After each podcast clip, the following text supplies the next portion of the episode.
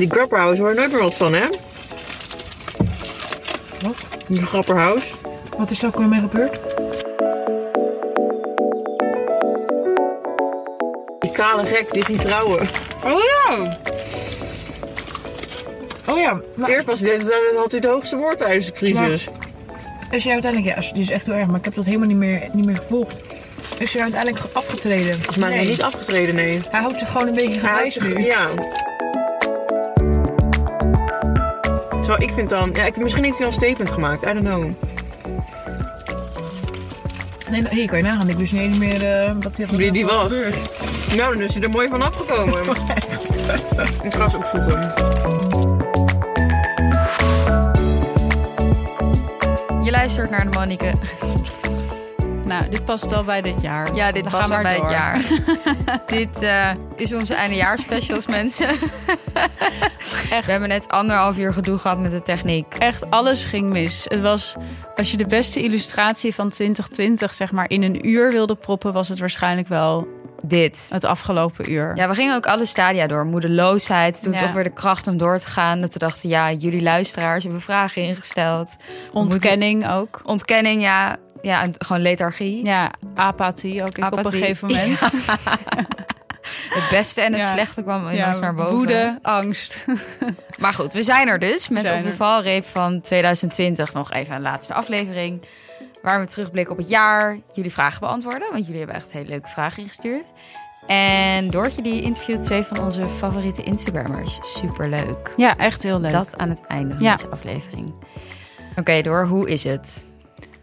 Nou, los van wat er net allemaal is gebeurd, eigenlijk heel goed. Ik bedoel, eh, kerst overleefd. Ehm, Overleefd, je had een soort marathon. Ik had een soort marathon aan kerstdingen. ik begrijp nu ook opeens, want normaal, ik ben heel verwend en normaal ben ik altijd skiën met kerst. Ja. Dus ik vier altijd maar heel klein en alleen maar met, met mijn familie en verder eigenlijk eh, ja, niet zo uitgebreid. Hmm. En dan kom ik terug en dan is januari en dan ben ik bijna jarig en dan zijn al mijn vrienden ineens een dry January aan het doen, Ah, omdat ja. ze zoveel gedronken hebben. En dan vind ik iedereen altijd heel saai. En nu begrijp ik dus heel goed waarom mensen dat doen, omdat je gewoon ja, je, je wil gewoon eventjes niet meer de hele tijd kaas en wijn en, Ja. En, en eten. Je wil gewoon even eten wat niet begint met champagne en eindigt met tiramisu, zeg maar. Had je die schoudertas hierover gezien? Nee, wat Echt dan? veel te veel gegeten deze kerst. Nu even detox. Detox, ja. Wie gaat er weer een rondje hardlopen in Vondel? Oh ja, nou zo erg is het bij mij gelukkig nog niet, maar ik voel me wel een beetje, wel een beetje gevloerd. Ja, en je ging dus skincare kopen als remedie. Ja, ik had gisteren dan even zo'n. De, de, bij mij is eigenlijk de, de weer opstartdag. Dat is altijd een dag dat ik weer even alles bij elkaar moet rapen. En dan ben ik altijd heel gevoelig voor online winkels. Dus ik heb allemaal van die hele ehm, neutrale Franse gezichtsreinigers gekocht. Welke merken? Om schoon te worden. Ja, Aven en zo. dat is ja. ook niet zo heel boeiend. Chic, Ja, gewoon vind ik chic. dat altijd. Gewoon classy chic, zoals ik zelf. Ja, ik had deze kerst echt alsof zeg maar alle knaldrang van het hele jaar zich ophoopte in mijn lijf toen ik een echt een classic uitgaansstopje van de Zara aandeed. Hij was lila en het glom. Ja, En ik had make-up op en ik dacht opeens van... Ik, ik kon het gewoon opeens niet meer dragen dat ik na een avond eten met mijn familie dan niet dronken nog het de café stad in kan. kan. Ja, dan Maar had je dat nu pas? Ja, dat was- echt elk weekend. Ja, het kwam nu wel echt. Het was nu bijna onhoudbaar. Het Ja, was ja. echt alleen maar kwam zo boos. Ja. En dan ook niet het vooruitzicht dat je dat met oud en nieuw wel kon doen.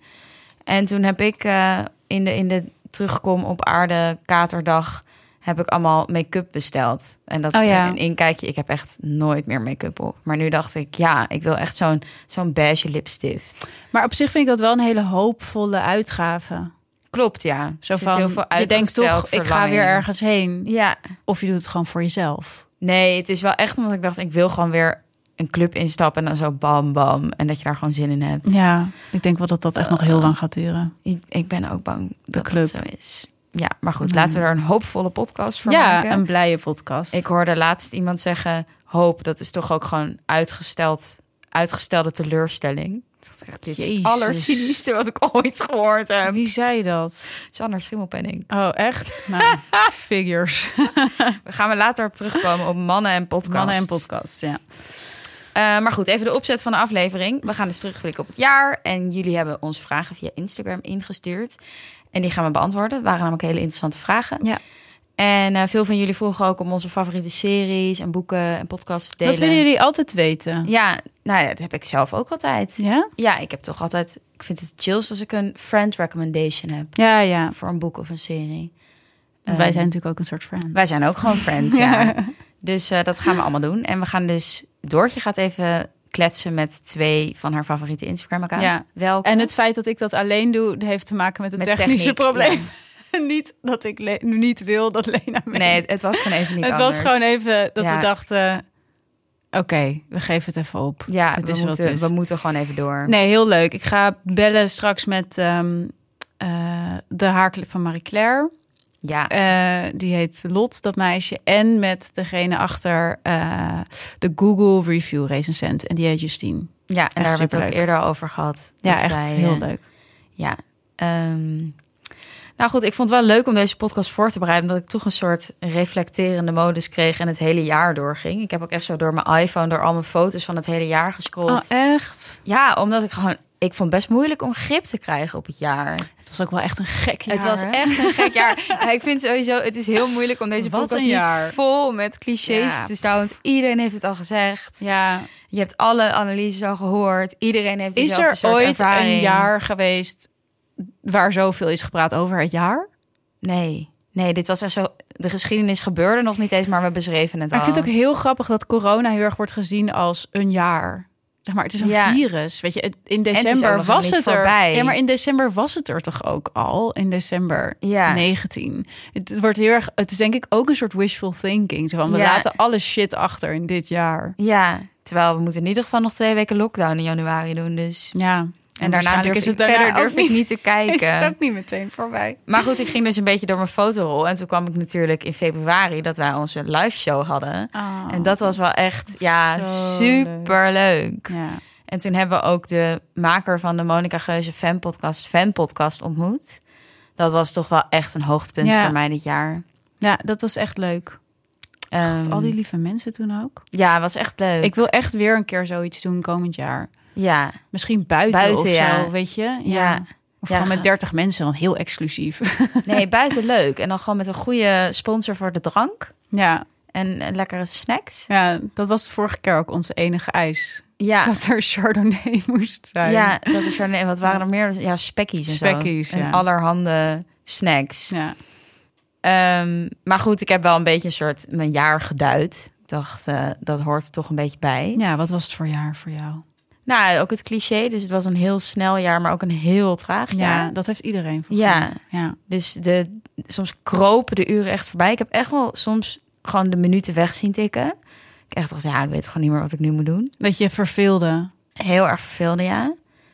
Ehm, omdat ik ook natuurlijk normaal op een nou, hele levendige redactie werk. En nu ben ik opeens de hele tijd thuis. En dan ben je zo bewust... Je wordt nooit afgeleid. Behalve Nee. door mijn Slack en Zoom en zo. Maar dat kan je wel zelf muten. Dus je hebt de hele tijd overal controle over. Ja. Ehm, dus daar gingen de uren wel heel langzaam door. Maar als ik nadenk over... Ik had echt soms... Ik dacht, nou, is het al november? Gewoon niet te bevatten hoe snel het ook ging. En, oh ja, ehm, ik vond het juist gek genoeg. eh, Vond ik het dus wel echt een heel lang jaar. Ik kan andere jaren wel hebben dat ik denk, "Huh, is het alweer kerst? Oh nee, dat nu had dit ik jaar echt- heel erg. Maar als ik nu denk aan bijvoorbeeld mijn verjaardag voor, Ja. dat was nog dit jaar. Ja, Toen was- er waren gewoon 40 mensen of zo in mijn huis. ja. Wisten we niet wat corona was. Dus dat, dat vind ik Mm. gewoon heel raar. Terwijl anderzijds, ik heb me, ik heb me niet heel, ja, ik heb me niet echt verveeld. Maar gewoon doordat dat corona maakt alles gewoon zo relatief of zo. ja, we hebben natuurlijk ook wel in een hele korte tijd aan het begin van de crisis zo, zoveel verandering doorgemaakt. Dat een soort de tijd gecomprimeerd wordt of Ja. zo. Een soort compressed. Je hebt dan ook allemaal van die analyses dat we eigenlijk eh, een omschakeling in ons werken naar op afstand werken hebben gedaan die normaal tien jaar zou duren. Die ontwikkeling was natuurlijk al gaande. Ja, ja, dat die heel een half jaar versneld. gepropt. Ja, Dus ik denk dat zo dan de tijd wel echt ja, een andere ervaring is of zo. nou ja, gaat anders om met tijd ook, toch?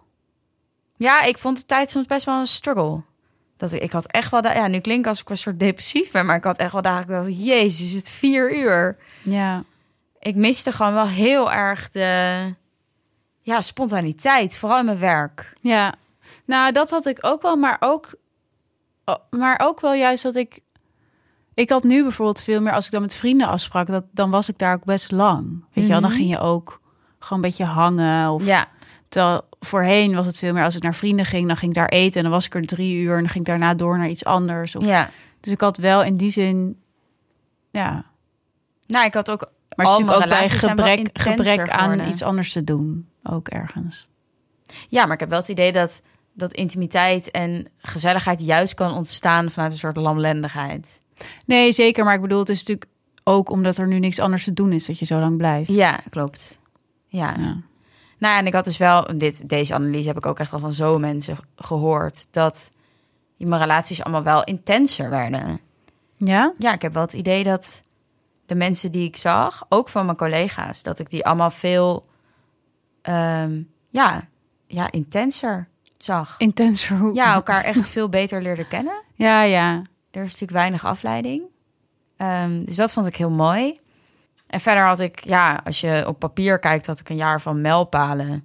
Waarvan ik jaren dacht dat echt alles was wat ik wilde. Namelijk, nou, promotie op mijn werk en een koophuis.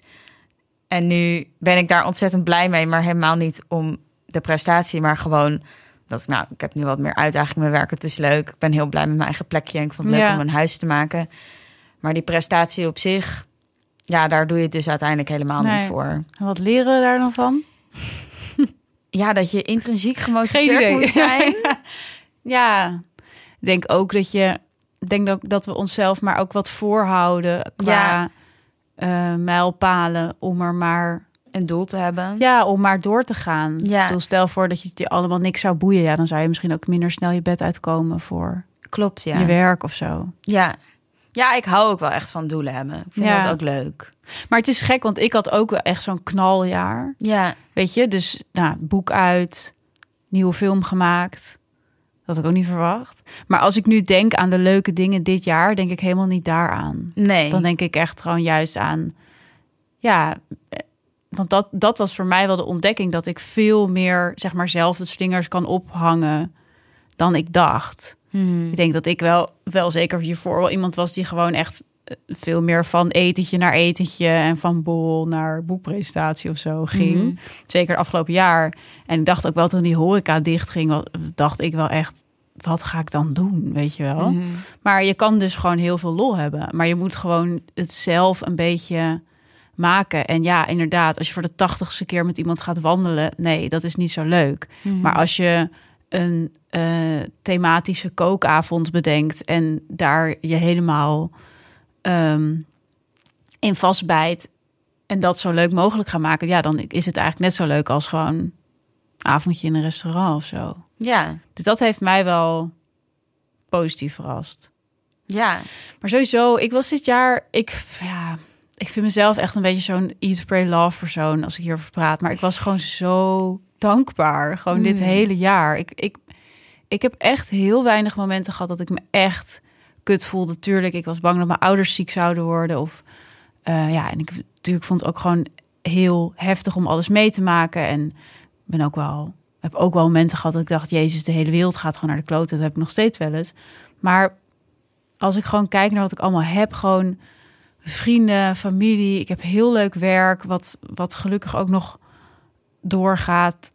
Ik zie bij mezelf dat ik ook bepaalde eigenschappen heb die heel fijn zijn. Weet je, ik ben best wel weerbaar en ik zit redelijk lekker in mijn vel. Ik heb dit jaar echt zo vaak gedacht van, wat moet ik doen? Weet je wel, kan ik ergens gewoon een god bedanken? Ja, ik geloof Mhm. daar niet in, maar ja, kan ik dit ergens afbetalen of zo? Hmm. Ik heb dat echt heel sterk. Dus dat is wel een mooi Ja, iets dan van dit jaar. zeker.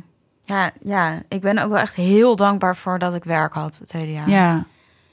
En ik ben heel dankbaar voor, dat, voor mijn huis. Ik ben gewoon heel blij dat ik nu mijn eigen plek heb. Nou, maar dat is dan toch ook wel heel fijn. Ja, echt heel fijn. En nee, dit was ook wel het jaar sowieso van vriendschap. Ja. Een van mijn hoogtepunten was ook wel in de podcast dat je je boek aan me overhandigde. Ah ja. Dat is ook zo Dat is lief. Zo leuk als dat. ja. hè? Ja. Ehm, Nou ja, en dat zijn wel dingen die je sneller inderdaad hebt dit jaar. Inderdaad, dat je, je hebt ook meer gesprekken met je vrienden. Tenminste, Mm. ik wel van wat voor vriendschap ja. hebben wij en wat, wat verwachten we van elkaar. En nou, dat is ook niet altijd makkelijk, maar daardoor weet je nu wel veel beter wat je aan elkaar hebt en, en ja, wat, wat, wat, wat goed werkt voor iedereen. ja. Dus ik geloof daar ook wel heel erg in eigenlijk. Ja, het was voor mij ook wel echt een jaar. Ik hou sowieso van alleen zijn. Maar waarin ik. Ehm, ik denk dat ik toch wel altijd op zoek ga naar afleiding van alleen zijn. Gewoon net een soort gewoonte. Ja, En dat dit ook wel het jaar was waarin ik daar gewoon helemaal comfortabel mee was. Ik ben bijvoorbeeld in mijn eentje een week op vakantie geweest. ja, dat vond ik echt heel stoer. Nou, dat vond ik echt heerlijk. Ik had natuurlijk echt zo'n maanden alleen maar geslekt en gezoomd. En mijn hoofd was gewoon een soort continu notificatiebolletje dat ze omhoog ging. Ja, En toen een week zo lekker aan zee en je kon daar gewoon uit eten. En ja, gewoon als ik, als ik iets wilde delen, dan schreef ik het op in een boekje. En ik vond het ook heel chill om dingen voor mezelf te houden. Het was echt heerlijk. En het was ook vooral heel fijn om dan weer thuis te komen en te denken... oké, en nu wil ik gewoon al mijn vrienden weer zien. Ik Ja. heb er helemaal zin in. ja. Ja, ik denk dat ik dit jaar wel meer... Ik ben wel een beetje teruggekomen op dat hele individualistische. Mhm. Ik had wel, denk ik, hiervoor ook wel sterker van... je moet het gewoon alleen doen en eh, weet je wel, je, je, je moet je alles zelf oplossen en zo. En dat, dat ben ik, heb ik toch alweer een beetje losgelaten. Ik heb wel het idee dat, nou, echt in verbinden met anderen zit gewoon zoveel waarde. En je, je bent gewoon als mens, zeg maar, meer waard als je dat toelaat en Mhm. daarin ook kwetsbaar durft te zijn. Dus Ja, ik heb denk ik dus geleerd dat ik het echt nodig heb... om verbonden te zijn met mezelf... om überhaupt te verbinden met anderen. ja, Dus daarvoor heb ik dan echt zo'n week nodig om weer tot mezelf te komen. Ik voel me nu echt zo'n chick die naar yoga retreats gaat. ik ben echt verbonden. Maar dat ben ik natuurlijk wel een beetje. Maar dat Ja. heb ik echt nodig. En eh, nou, zonder om er een zeikerige podcast van te maken... maar er waren natuurlijk ook wel dieptepunten. Wat was jouw dieptepunt door? Nou, ik denk dat mijn ehm, dieptepunt op een gegeven moment wel een beetje was dat ik echt zo heel erg werd meegetrokken in de, de, de stroom van een soort van gelegenheids-corona-duiders of zo. Mhm. Toen in die tijd dat mijn boek uitkwam en ook met de film. En ik schreef het ook veel voor de Volkskrant een beetje over corona en zo. Dat ik wel heel vaak werd gebeld en ook de, opnam, zeg maar, als eh, radioprogramma's of tv-programma's dan belden voor een soort duiding over, ja, whatever, eigenlijk op het gebied van influencers en corona. En ik, Bas Heijnen schreef dit weekend heel goed in NRC dat er in, in alle media op een gegeven moment, weet je wel, van die complotgekkies en, en sceptici opdoken. Maar dat er ook op afroep deskundigen opdoken die geduldig uitlegden dat deze mensen niet gek zijn, maar gewoon greep proberen te krijgen op een wereld die hun boven het hoofd was gegroeid. En dat herkende ik wel heel erg. Ik wist op een gegeven moment ook niet meer echt waar mijn kennis of mijn eigen mening nou Mhm. ophield en gewoon random wat zeggen Ja, begon. En in het begin was ik er ook nog best kritisch over. Dacht ik, ja, god, ga ik hier nou wat over zeggen? En op een gegeven moment werd het ook een beetje u vraagt bij het draaien of zo. Dacht ik, oh ja, Mhm. zo gaat dat dus. Dan ben je ineens zo'n opiniemaker. Een duider, Ja, ja. ben je ineens een soort duider. ja, we waren allemaal een beetje duidelijk. Ja, iedereen was Ja. ook parttime duider en parttime viroloog. Ja, Maar op een gegeven moment werd het wel een beetje dol. Dus ik heb ehm, heel veel zin om gewoon een jaar even heel weinig te zeggen tot niks. Wat ik ook ga doen trouwens, want dat heb ik jou nog niet verteld, maar dat is wel leuk. Ik heb subsidie voor mijn tweede boek. Yay! Dus dat is heel fijn. Dus daar Oh, merk ik dat ik daar zo'n zin in heb. Dat ik gewoon even in de luwte gewoon Ja. ergens aan kan werken. En dan gewoon kom ik over een jaar wel weer met een nieuwe mening of zo. Maar in de tussentijd blijf je wel praten in deze microfoon. in deze podcast Hopen wel, maar dat is onder ons. Oké, wat leuk, wat een goed nieuws. Ja, echt zo fijn. Heel Echt fijn. super fijn. Ja, ik denk dat mijn dieptepunt was wel tijdens mijn verhuizing. En dat was zo'n moment dat ik was gewoon best gestrest en ik vond het allemaal wel spannend. En ik was de hele tijd allemaal shit aan het bestellen, want ik had dan het idee dat alles meteen af moest. Ja, dat natuurlijk perfect. sowieso Ja. niet hoeft. En toen op een gegeven moment, sowieso was de les die ik daaruit leerde, twee keer meten, één keer zagen. Altijd twee keer opmeten voordat je iets zaagt, want je meet altijd de eerste keer verkeerd. Oké. En ik had dus de heet al die afmetingen in mijn hoofd en allemaal pakketjes die ik aan het volgen was. En dan had ik weer het ene bij Katawiki besteld. En toen had ik op een gegeven moment had ik een tafel bij Marktplaats besteld. En ik weet nog dat ik heel erg die afmeting in mijn hoofd had. En dat ik toen opeens kreeg, werd echt zo, kwam ik in zo'n tunnel, weet je wel, zo'n zuiggevoel. Zo'n met, oh mijn god, dit is gewoon een soort kaboutertafel. Passen mijn benen er wel onder. opeens zo duizelden al die centimeters en meters voor mijn ogen. En toen dacht ik, oké, het wordt wel tijd dat ik mijn telefoon wegleg. Want ik bestelde dan ook... En was het een kaboutertafel? Nee, het was gewoon een normale Oh. tafel. Want ik bestelde ook dingen als ik onderweg was. Of als ik in de Oh, reis ja. bij de Albert Heijn.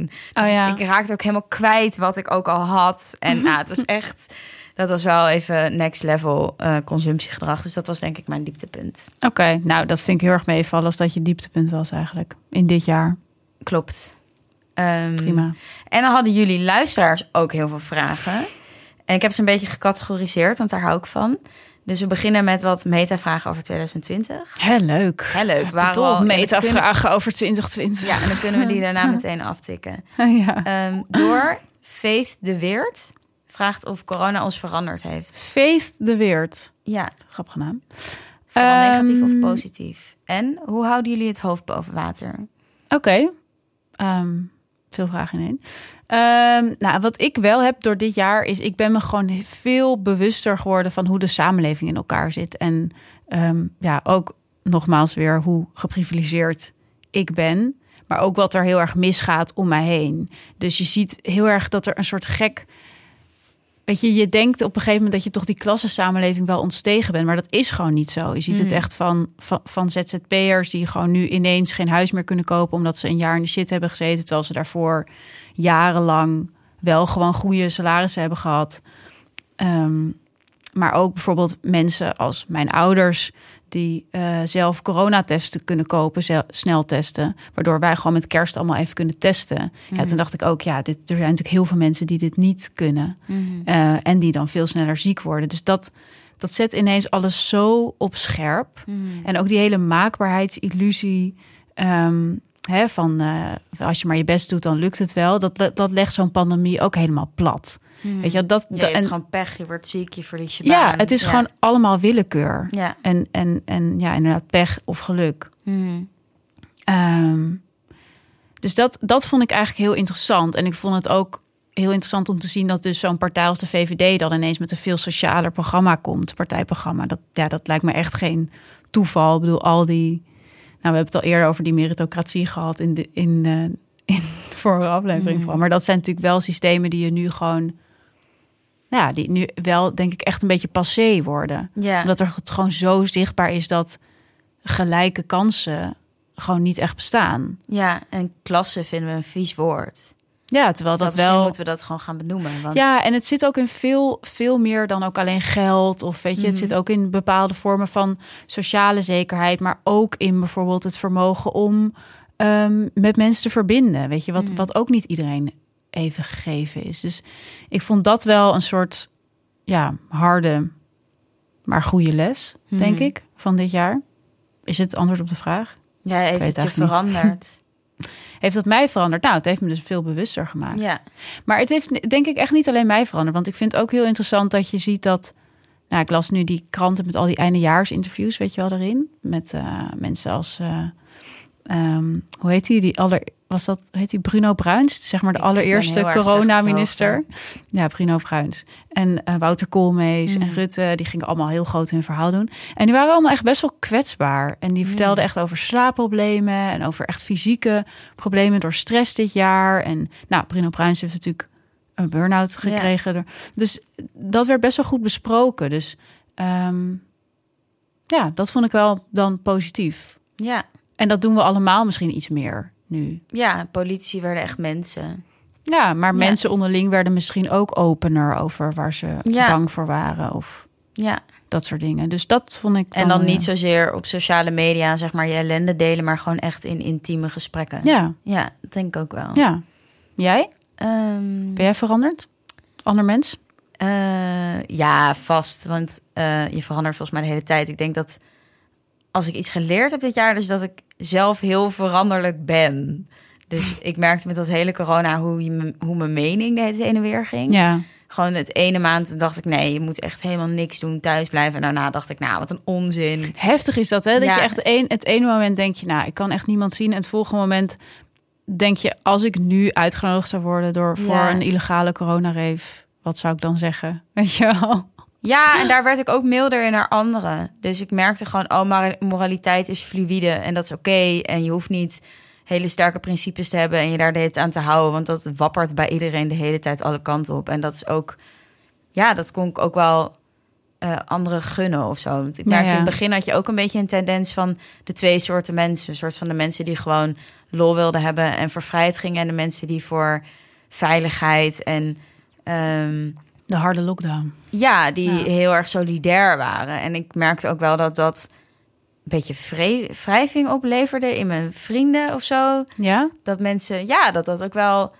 Dat mensen elkaar met schuin oog aankeken als je wel naar het Vondelpark ging en dat soort dingen. Oh, wauw. En ik denk dat ik dat zelf in het begin ook wel deed.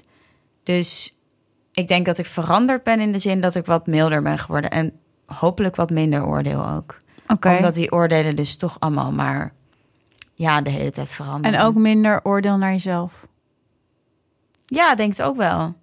Dat ik wat meer kan accepteren van, oh ja, het verandert gewoon de hele tijd. En zolang je, tenminste dat merk ik bij mezelf, zolang ik die verandering toesta, is het leven eigenlijk best wel leuk. Ja. Je moet gewoon niet proberen consistent te zijn, want consistente mensen zijn eigenlijk gewoon heel saai. Het enige wat constant is, is verandering. Nou, deze wijsheden, jongens. Oh, Gewoon gratis, hè, voor jullie in je Oh, podcast-app. gratuit. Jezus. En eh, dan had een luisteraar aan jou de vraag door of je al vooruitgang had geboekt met Infinite Jest. Ja, nou, goede vraag. Ehm nou, ik weet dus net dat ik die subsidie heb gekregen. Dus. Nu sindsdien staart dat boek me wel aan. Ik ben denk ik op een derde of zo. Oh, dat vind ik best wel indrukwekkend. Ja, het is echt niet om door te komen. Maar het is wel heel interessant. Het is heel goed ehm, en gewoon heel uniek. Mhm. En heel inspirerend. Dus ik denk dat ik er wel... ehm, ja. En eh, even voor de luisteraar die niet weet wat Infinite Jest is, waar gaat het boek over? Het is een boek uit, ik geloof, de jaren 90, of ta- ja, 90 van David Foster Wallace. Mhm. Ehm, die misschien wel de meest verslaafde schrijver was van eh, de afgelopen eeuw. En het gaat over verslaving. En het is, ja, het is, het is, eh, ik overdrijf niet, het is echt onbeschrijfelijk. Hmm. Het, het gaat van de een naar de andere verhalen en de een naar de andere stijl. Eerste, tweede, derde persoon, alles door elkaar. Het is echt, En de luisteraar Het is ook een fenomeen. Annemaria Rebel heet ze trouwens. Of je het gevoel hebt dat het boekje een beter mens maakt. nou, geen idee. Maar wel een betere schrijver. Omdat het zo experimenteel is of zo. Super experimenteel. En het geeft je gewoon heel veel ideeën. Hmm. Oké, nou mensen, binnenkort een, eh, een update. Binnenkort een boekenclub. En dan wil... Oh, ik heb de naam er niet bij gezet. Daar, dan wil iemand weten, sorry, anonieme podcastluisteraar... of wij nog terug willen naar de normale tijd, pre-corona. Of juist niet. Oh, nee, de afzender is even aandacht de podcast. Nu weet ik het weer, sorry. Of we terug willen naar de normale tijd. Ja, voordat corona uitbrak. Nou ja, ik wil wel heel graag weer uit eten. Hmm. En ik wil ook wel heel graag weer met meer dan twee mensen of drie mensen samen zijn. Hij heeft natuurlijk ook heel sterk het geluid van dat we niet terug kunnen naar een groeieconomie. En Oh, dat dit dat. dan het moment is dat we... Nee, dat hoop ik wel. Ja, Ik Nou, hoop ik- zeg maar wel dat de hele samenleving verandert, maar mijn Ja. eigen leven niet. veel, veel succes. ja nou, ik hoop wel echt dat de toeristen wegblijven. Ja. Ik liep woensdag, of nee, maandag, liep ik door de stad en het was echt een dorp. Echt geweldig. Ja, heerlijk. Zo en je komt ook veel meer mensen tegen nou. Ja, het is echt heel leuk. Ja, nee, dat hoop ik ook, maar ja, dat denk ik niet. En ik heb gewoon heel veel zin om al mijn lievelingsmensen weer in één ruimte te hebben. Daar heb ik echt heel veel zin in. Maar ja, aan de andere kant denk ik ook, hoe vaak gebeurt dat? Nou, één keer per jaar, maar dat is wel waar. ja, ja, precies, op je verjaardag. Ja, Ja. Ja. Nou, Ja. jij bent eh 16 maart, toch? 17. 17 Ja. maart. Nou, wie weet. Ja, wie weet. Hè? Het zou, ik denk dat het net te vroeg is. Ja, maar het was wel vorig jaar. De tweede het was de eerste dag dat de lockdown werd Ja, toen heb jij het afgezegd. Ja, Ja. toen moest jij mij ook vertellen dat ik het af moest zeggen. Omdat ik het gewoon niet geloofde. ja, dat was heel gek. Want jij was eerst nog heel erg ontkenner. of Ja, soort ik van het, ja. En toen werd jij juist meer Heel- hardliner. Ja. Nou, het was niet, niet dat mensen denken dat ik corona ontkende, maar ik had een soort Nee, maar zo van copingmechanisme dat ik ontkende. Ja, dat ik, dat ik Ja. moest aanpassen. Ja, heel gek. Ja, dat weet ik ook nog. Dat was in de koffiesalon. Ja, Toen zei ik van, nee Marleen, dit gaat allemaal dicht. ja. En dat kan ook niet. Nee, ik kon dat echt niet processen. ja, het was heel raar. Heel gek, ja. Ja, nou ja, Maar het was natuurlijk ook gewoon echt fucking raar. dat is waar. En mijn reactie op verandering is denk ik dat ik dus eerst ontken dat er verandering komt. En daarna word ik heel bang voor de verandering. En dan komt het eenmaal en denk ik, oh, dit is eigenlijk gewoon prima. Oké. Heb jij Nou. dat niet? Ik weet, ik, heb, ik, heb niet, ik weet niet zo goed van mezelf. Ja. Nee, ik weet het gewoon niet. Ik heb wel het idee dat we elke keer zo'n telefoongesprek hebben van... oh, dit is echt verschrikkelijk. En dan daarna hang je Dan- weer de en dan- slingers op. En dan, Ja, precies. En dan valt het wel weer mee. ja. Maar ik had wel, zeg maar, voor, op de een of andere manier was die laatste lockdown. Mhm. Dat vond ik op de een of andere manier, toen was ik er helemaal klaar ja, mee. de rek was er Terwijl echt al die, uit. al die andere kon ik nog wel aan. Weet je wel, was het nog zo. Eerst was het, vond ik het ook een soort van op een gekke manier interessant. En Ja. ik dacht van, goh, wat grappig en zo. En nu was het echt, ja, dacht ik, ik wil, ik wil gewoon echt heel graag uit eten eigenlijk. Ja. En, en ook, ik had dan, ehm, ik had bedacht om dan nog zo'n hotelarrangement te boeken, weet je wel. Zo, Ja. ik dacht, oké, dan ga ik gewoon naar de Vergulde Eenhoorn. Daar kan je tenminste nog in het restaurant zitten. Dus ik zat echt met mijn, zeg maar echt al, ik zat al in de betaallink, zeg maar. Dacht ik, doe ik dat lekker op eh, derde of vierde kerstdag of zo. En toen kwam die extra NOS-uitzending en zei Xander van der Wulp van nou, wat in elk geval eh, eraan gaat vanavond zijn de hotelarrangementen met eten. Want daar zie je veel te veel dat mensen dan in hotels gaan doen alsof corona niet bestaat. En toen voelde ik me ook heel persoonlijk aangesproken. Ja. En toen dacht ik, ja, de- ik kan gewoon, ik moet me gewoon overgeven aan de, ja, aan ik ben natuurlijk ook wel iemand die uiteindelijk toch ook altijd weer probeert om. Ik denk dat jij wel veel meer een vermogen hebt tot ergens tot accepteren. Of Ja, zo. ik leg me wel neer bij regels. Ja, jij kan het moment, mee ja. beter omgaan met regels. Want ik Ja. ga dan toch kijken hoe kan ik dit toch nog Bende. leuk maken voor Ja. mezelf. Of hoe ga ik dit toch nog ergens een beetje uitspelen. En ik denk dat dat op een gegeven moment dat ik dacht, ja, dat kan gewoon niet meer. Nee, Dat is gewoon klaar. ja, Dus ja. ja. Nou ja, dan wil Marloes weten wat de waardevolle lessen van het jaar zijn. Goh, mensen verwachten wel een hoop eh, lessen en zo. Ja, volgens mij, maar ik denk dat iedereen toch ook wel zichzelf op een andere manier heeft leren kennen dit jaar. En de wereld ook. Dat is Dus, waar. eh, wat ik er vooral van geleerd heb, was dat je vooral in het begin had je zo ontzettend duidelijk het maatschappelijk sentiment, de media die erover berichten en de politiek die er naar handelde.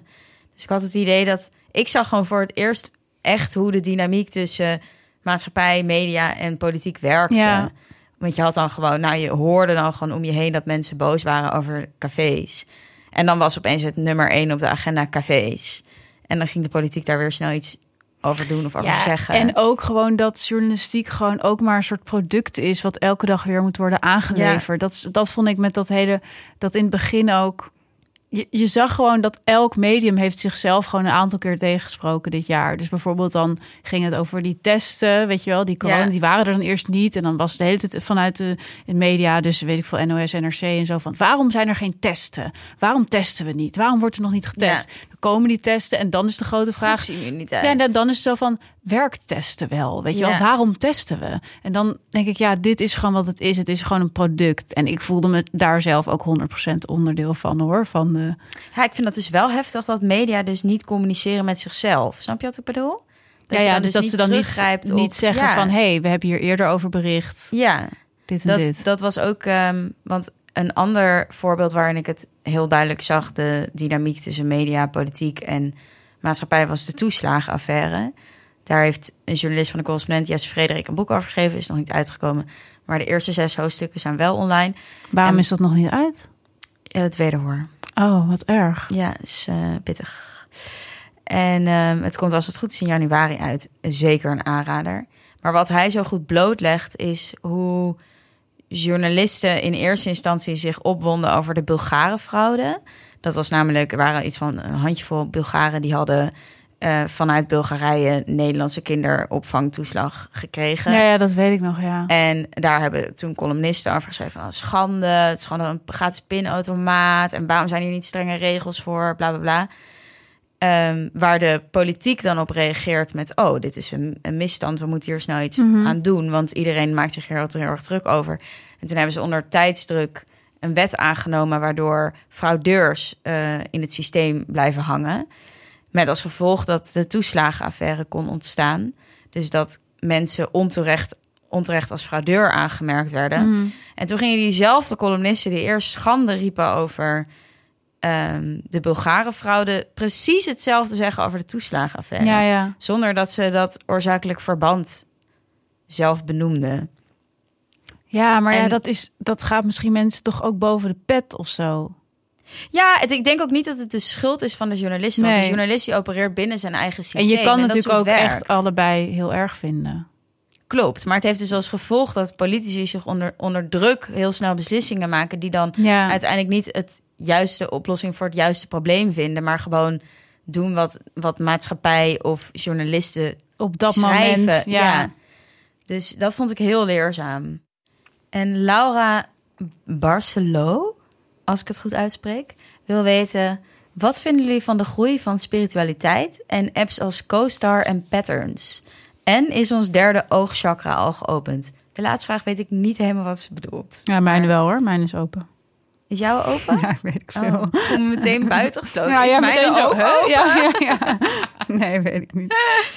Nou, ik vind het fascinerend. Ehm, ik merk dat best wel veel eh, eh, mensen in mijn omgeving... die zijn er heel erg mee bezig. En ik heb het gevoel dat het vooral een manier van communiceren is. Het is gewoon je eigen taal, net als straattaal. Dus ook online, dat is ook een bepaalde manier van Ja. communiceren met elkaar. En ik heb ook het idee dat het een, ja, een behoefte is aan een collectieve ervaring. Dus dat je allemaal op hetzelfde moment bezig bent met de volle maan... of met, weet ik veel, twee kussende planeten... of Oh planeten ja, die heel dat. dicht bij elkaar Ja. komen. Dat, dat ook wel ehm, door corona nu ja, een soort verbroedelijk ele- element had of zo. Ja, zou kunnen. Ik heb, ik heb er wel een column over schreef- geschreven in het Trouw. En ehm, ja, ik had er ook wel een paar van die ideeën opgeworpen van dat we, doordat het leven steeds meer controleerbaar wordt, dat we Mhm. behoefte hebben aan een soort oncontroleerbare dingen. Dus als je gewoon zegt van ja, ik heb gewoon een kutdag, want ik ben nou eenmaal Maar je hebt een wel een steenbok. ook. Ja, precies. Dan is het gewoon, dan kan je er een beetje aan overgeven en dan kan je er niks meer aan doen. Ehm, en het is natuurlijk ook een vorm van echt hyperpersoonlijke data, waar we steeds meer behoefte aan lijken te hebben. Dus ik heb, in, ik heb dat CoStar op een gegeven moment gedownload. Dat een paar meiden op mijn studio hadden het ook. En dan moet je dus je eh geboortehoroscoop invoeren. Dus niet alleen de dag, maar ook precies Ja, de tijd. chart. Ja. Ja, en dat voelt dan al zo heel speciaal. Dat is natuurlijk allemaal bullshit. Maar goed, er valt bakken met geld mee te verdienen. Want volgens mij alleen al dat Coaster had dit jaar een investering van 5 miljoen of zo in totaal van allemaal durfkapitalisten. Dus er wordt ontzettend veel aan verdiend. Dus dat, dat vind ik ook alweer grappig. Dat het dus het idee is van de spiritueel. spiritueel. En het is allemaal in de sterren geschreven. Ondertussen ben je gewoon net zozeer een product als je op CoStar zit. als dat je op Facebook zit of zo. Ja, het schrijnende is, is dat het, het komt een beetje voort, de beweging uit een soort anticapitalistisch Ja. sentiment. Maar het is dan wel weer helemaal slachtoffer geworden van het het kapitalisme. is gewoon opgegeten. Ja, Zoals, weet je, daarom vind ik het zo leuk om die meiden van die eh, Instagram straks even te spreken. Die haarclip en eh, eh, die Google Review. Omdat dat gewoon, dat vind ik dan weer echt zo van die hele leuke voorbeelden van dingen die in elk geval nog niet Mhm. meegaan in die stroom van kapitalisme. ja, en wel kritisch zijn op het kapitalisme natuurlijk. Ook. Ja, ja. Ja, ook. En eh Ilse Savenijen heeft een hele leuke vraag ingestudeerd. Gestuurd. Ingestudeerd. ingestudeerd. Namelijk, welke inzichten van oude filosofen passen jullie toe in het dagelijks leven? En ehm, ja, mag jij eerst door? Nou, ik heb altijd nog in mijn hoofd het motto van Kant. Want dat stond ook altijd als je een eh, tentamen had bij ethiek. Ja, Stond dat boven op je is antwoordvel. Ja, denk oh, zelf. gezien. Hoe heet het? Ehm sapere oude of zo in Oh. Latijn. Ehm, dat vind ik altijd een hele goeie. Dus niet voor anderen denken, maar ook anderen niet voor jou laten denken. En eigenlijk eh, ja, in elke situatie eerst nagaan wat jij wil en waar je zin in hebt voordat je je tot de context gaat verhouden. Ehm, Mhm. Dat vind ik altijd wel een fijne, fijn houvast. En ook ehm, heel mooi vind ik het idee van Kierkegaard. Dus dat je, hij heeft het altijd over de, de sprong richting het onbekende. En dat dat ook een soort heel idee van vrijheid is. Dat je juist overgeeft geeft aan iets wat je nog niet kent. Ehm, en dat je daardoor eigenlijk al- altijd groeit. Dus dat groeien eigenlijk betekent dat je het bekende moet loslaten. En je zelf open moet stellen voor het onbekende. En dat is natuurlijk eigenlijk gewoon het allerengste wat er is. Ehm, maar ja, het maakt het leven wel heel leuk en interessant. Ja, En, en zijn idee van voorwaarts leven en achterwaarts begrijpen. Dus eigenlijk eerst doen dan denken. Dat, ehm, ja, dat vind ik ook altijd wel ja mooi. een fijne om in je achterhoofd te hebben. Jij? Eh, nou, ik heb heel lang echt wel geleefd naar mijn interpretatie van Kants idee van vrijheid en autonomie. Namelijk dat je als mens vrij bent als je jezelf de wet voor kan schrijven. Dus ik had altijd best wel sterk in mijn hoofd dat ehm, nou, je hebt je driften en je, en je ratio. En wat dan een mens autonoom of vrij maakt, is dat je dus rationeel kan kiezen wat je wil, in plaats van dat je laat leiden door je driften. Ehm, Klinkt een beetje als het tegenovergestelde van Kierkegaard. Nou ja, ik denk ook dat ik dit jaar echt wel steeds meer mijn driften probeer te omarmen. Want altijd maar bedenken wat je wilt doen, ja, Ja, dan, dan, dan mis je ook best wel een groot deel. en de lukt dat, lukt dat je drift om? Ja, denk het wel. Ja, goed zo. Ja. En ehm, verder heb ik ook wel... We hadden een filosofiedocent en die was groot aanhanger van Kierkegaard en Plato. En hij ehm, gebruikte altijd de, de religieuze beweging, noemde hij dat. Dus dat komt van Plato, maar het zit volgens mij het zit ook in Kierkegaard. En dat is het idee dat je... ehm, nou, dat heel veel dingen dus niet binnen je bereik ligt. Dus het idee dat je... ehm, nou, bijvoorbeeld schoonheid kan je niet aanraken. Het enige wat je kan doen is ruimte vrijmaken zodat het jou aanraakt. Ehm, en dan is bijvoorbeeld een concreet voorbeeld dat stel je loopt vast bij het schrijven van een tekst, dan kan je heel erg je best gaan doen om er voor- maar een soort te maken dat het wel lukt. En dan is de metafoor dat wat je moet doen is eigenlijk je bureau opruimen en gewoon iets anders gaan doen. En dan Ja, kan ja. inspiratie tot je komen. Oh, dat is ook wel een mooie. Dus dat vind ik altijd wel een soort van fijne gedachte als ik weer in een soort controlekramp schiet. Hm, Dat dingen je ook toekomen. En juist als je het probeert af te dwingen, komt het niet. niet. Nee, Ja. daar ben ik het wel heel erg Dat mee is eens. echt heel erg ja, waar. daar ben ik het heel erg mee En deze staat eigenlijk haaks op mijn interpretatie van Kant. Ja, Dus misschien moet ik dat hele Kantiaans gewoon loslaten. klaar met kant. Klaar met Kant. Ehm, maar vet leuke vraag. Ja. Het, het gaf me ook wel weer... Ik dacht, oh, ik moet ook weer een keer Nietzsche lezen. Er zitten vast ook wijsheden in. Oh ja. Ehm, nou, en dan was er een luisteraar en die had echt een hele treffende vraag. Namelijk iets waar we eigenlijk al best wel vaak over praten, Ja. zonder microfoon. Namelijk, wat is jullie mening over de Oude Mannen podcast en eindeloze talkshows? Ja, nou, hele terechte vraag. Want ik maak me gewoon al een tijdje echt een beetje zorgen over de podcast.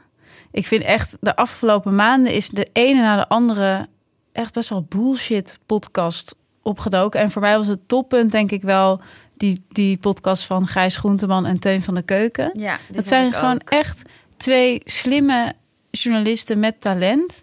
Die dan eigenlijk waarschijnlijk omdat ze gewoon hebben gezien dat dat aanslaat. Een soort totaal onzin gesprek gaan voeren met de microfoon erbij.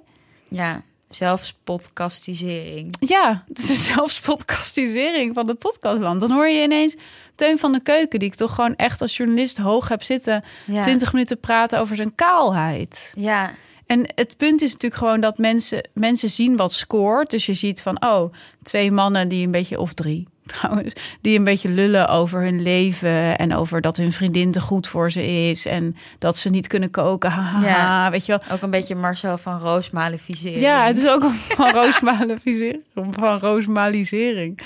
De, weet je dat je ziet dat het scoort, dus gaan mensen dat nadoen. En het heeft natuurlijk ook te maken met wat de podcastconsument wil. Maar goed, dat zie je natuurlijk met alle mensen die binnen algoritmes consumeren. Is ja, op het moment dat je meer van hetzelfde krijgt, ga je daar toch weer op klikken, omdat je gewoon je wordt gewoon niet uitgedaagd. Het is een soort ja, een soort mute knop van je eigen autonome gedachten. En dat vinden we als mensen gewoon lekker, maar het maakt ons ook Nou, het is wel precies, ja, precies het tegenovergestelde natuurlijk van wat de podcast was. Het was natuurlijk juist een niche ding waarin je ja. hele specifieke content, tussen aanhalingstekens, tot je kon nemen van over de hele wereld. En omdat het nu een mainstream publiek bereikt, en de podcast Ja, is wel doorgebroken. En waarin je ook verrast kon worden, weet je. Ja. En nu is het gewoon...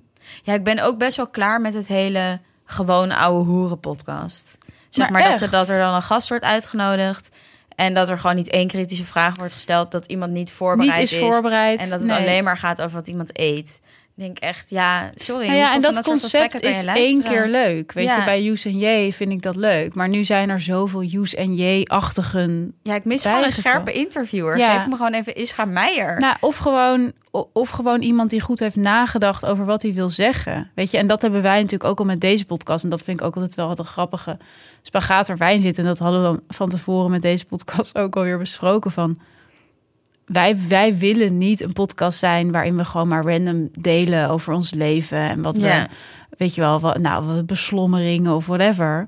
Terwijl we ook merken dat dat heel erg aanslaat. Ik bedoel, onze best beluisterde aflevering by far is nog steeds de break-up special. Waarin we van alles over ons eigen relationele leven delen. En ik merk dat, nou ja, ik denk dat ik dat nog wel iets sterker heb dan jij. Maar dat ik wel echt heel veel aarzeling voel om echt persoonlijke dingen te delen. Omdat ik het. ehm, ja, omdat ik het ook lastig vind. Dat ik denk, ja, god, ik ben ook gewoon journalist en ik moet me in dat, in dat medialandschap ehm, een beetje bewegen.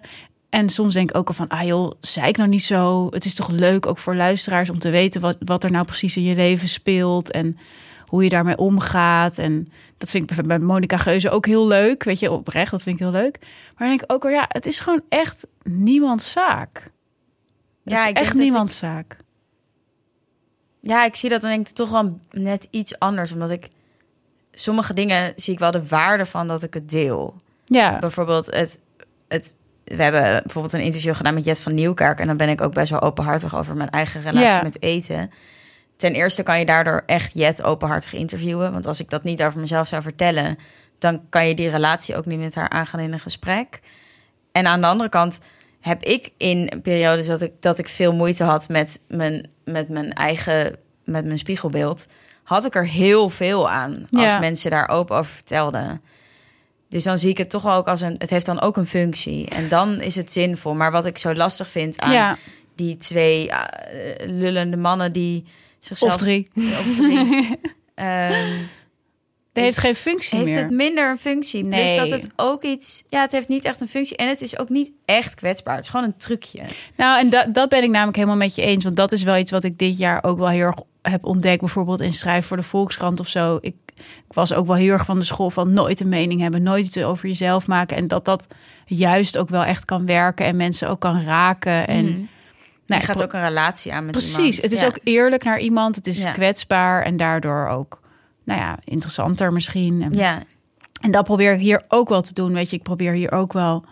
ehm, ja, ik ben natuurlijk ook wel eerlijk en ik vertel ook dingen over mezelf. Maar wat ik, wat ik gewoon zie is dat het, het waar het nu naartoe gaat in heel veel podcasts, is dat het gewoon microfoon aan en gewoon ja, maar een beetje oeverloos lullen over ehm, dat je nu een Hello Fresh box hebt en haha, je kan eigenlijk niet koken. het is eigenlijk echt een vlog, maar dan een ja, audio. het is gewoon ja. een vlog. Het is gewoon vloggisering. Ja, Om nog maar zo'n woord. nou, Het is- en op zich is het natuurlijk prima als dat bestaat, maar het is wel de meest succesvolle content. Dat vind ik wel verontrustend. Heel heftig. En dan hoor je gewoon Gijs Groenteman en Teun van de Keuken gewoon bloedserieus reclame maken voor een hoteldeal bij Hotel V. Ja, En dan denk ik wel echt, ja. waar de fuck gaat dit heen? En waar ik me ook aan stoor is dat het dus klaarblijkelijk voor mannen succesvol is om te klagen over zichzelf of om Ja. zichzelf te portretteren als een soort tragische held waarbij alles mislukt. En dat ik dan denk, ja, nou als vrouwen dat doen, dan zijn ze echt tragisch. Als wij gaan vertellen dat we elke dag twee flessen rode wijn drinken uit pure misère, dan is het gewoon tragisch. Vertellen mensen dat in die podcast? Nee, dat, dat, dat, verzin ik niet, maar het Ja. zou best kunnen. Ja. Ja, mama, man, de podcast vertelt eh, Domien wel dat hij zijn eentje een sixpack leeg drinkt. Oh ja. En dat vind ik hartstikke leuk. Nee, maar dat, doet, is maar- inderdaad het ding ook. En dat is inderdaad, om nog even terug te komen op de vorige aflevering, waarin natuurlijk... Nou, daar had ik bijvoorbeeld dat ik achteraf dacht, kut, had ik dat wel moeten zeggen? Ja, Dat ik dat zei... gevoel had ik ook veel. Ja, maar dat ik zei van, nou, ik zou best een relatie willen met mezelf. Ja,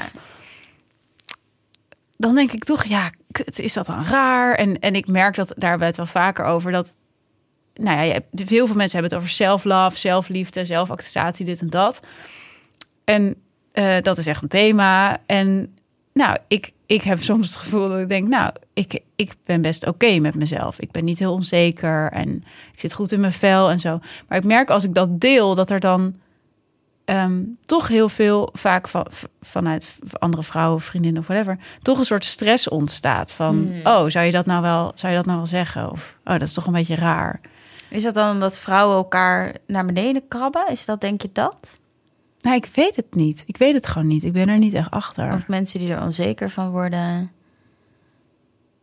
Ja, ik- het is misschien ook gewoon gewenning. Dat we gewoon zo gewend zijn dat er altijd een maar is. Nou ja, maar ik heb dus het idee, want dat zie vind ik dat je ook veel ziet bij die podcast, dat als mannen gewoon over zichzelf zeggen, Ja. nou, ik vind mezelf te gek, love my life Ja. en, eh, en doe mij nog maar zo'n jaar, dan vinden we dat heerlijk om naar te luisteren, weet je Ja, wel. grappig wel. Want als ze dus dramatisch doen over Is dat zichzelf, we ook dat ook grappig. Ja. Terwijl, stel dat ik hier zou gaan zeggen, zoals bijvoorbeeld wat je heel vaak hoort van, nou, mijn vriend is echt veel te goed voor mij. Mijn Oh, vriend ja. is echt heel raar dat hij bij mij is. Ik snap er niks ja, ik ben van. echt een lelijkerd, maar ik heb een hele knappe ja, vriendin. dan zou zegt- iedereen dat toch heel raar vinden. Terwijl in die contraien is dat heel... Ja, En ik vind het ergens ook weer seksistisch of zo. Dat ik Mhm. denk, oh ja, want de, de standaard is natuurlijk andersom. Dat jij te goed bent voor je vriendin. Dat zit er een beetje onder. Mhm. Ja, ik vind het allemaal ja ik van een, het.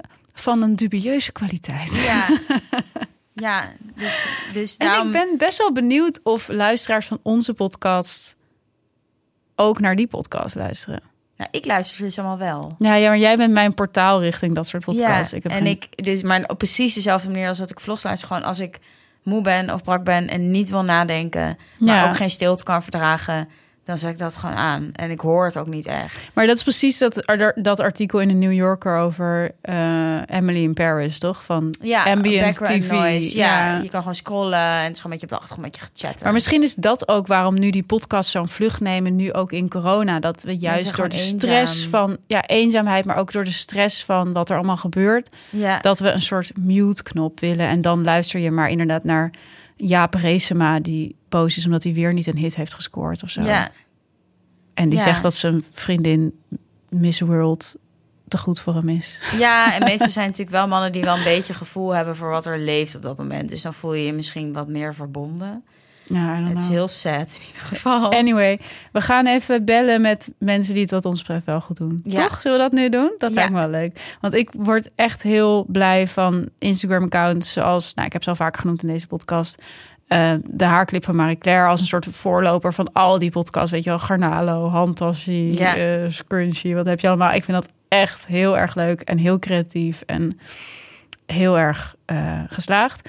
En de Google Review recent, die kende jij nog niet zo goed, toch? Nee. Dat is een superleuk account waarop iemand ehm, allemaal reviews van gewoon allemaal verschillende plekken en dingen verzamelt. En het is echt, ja, ik, ik, ik ga het niet nadoen, want dat is gek, maar het is echt heel Ik zet erg. hem in de show Het is echt heel erg grappig. Dus laten we hen gaan bellen. Yes, we beginnen met de haarclip, hè? Ja, begin met de haarclip.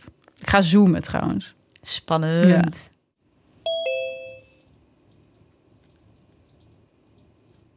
Hallo. Hey, heet je Lot of Charlotte? Ik heet eigenlijk Charlotte, maar eh, ik vind een beetje te lange naam. Dus ik zeg altijd Lot. Oké. Hey, Lot, wat leuk dat jij even wil bellen met ons. Ehm, Wel voor de uitnodiging. Ja, heel graag gedaan. hey, want wij zijn echt heel erg fan van, jou, eh, van jouw Instagram-account. Oké, nou wat leuk. Ja, en want ik vraag me af, hoe lang ben je daar al mee bezig? Ehm, ik ben in mei ben ik begonnen ermee. In mei. En wat, Ja. wat, wat, wat- hoe kom je op zoiets? Ja, het was een beetje eh, een trend op Instagram die aan het eh, beginnen was toen rond die tijd. En toen eh, kreeg ik dat op een gegeven moment doorgestuurd. Op een dag dat ik zelf brak op de bank zat. Oké. Dus toen dacht ik van ja, iemand, iemand stuurde naar me door en die zei toen van is dit van jou? Dat was toen een ander account. Was dat niet- dat, dat schoudertassie-account? Nee, nee, het was niet schoudertasje. Het was ehm, een ander account met een scrunchie volgens mij. Oh, de scrunchie van... Hoe heet die Eh, ook alweer? Van, van, Anne eh, Fleur. Toch? Ja, kan ook. Anne Ja, Fleur, ja. inderdaad. En toen eh, dacht ik van, nou ja, ik heb toch niks te doen vandaag. En toen heb ik zelf zo'n account gemaakt. Oké, dus zoals veel, zoals veel geniale ideeën begon het allemaal op een dag dat je je verveelde en dat je brak was. Ja, En, eh, en de rest is geschiedenis.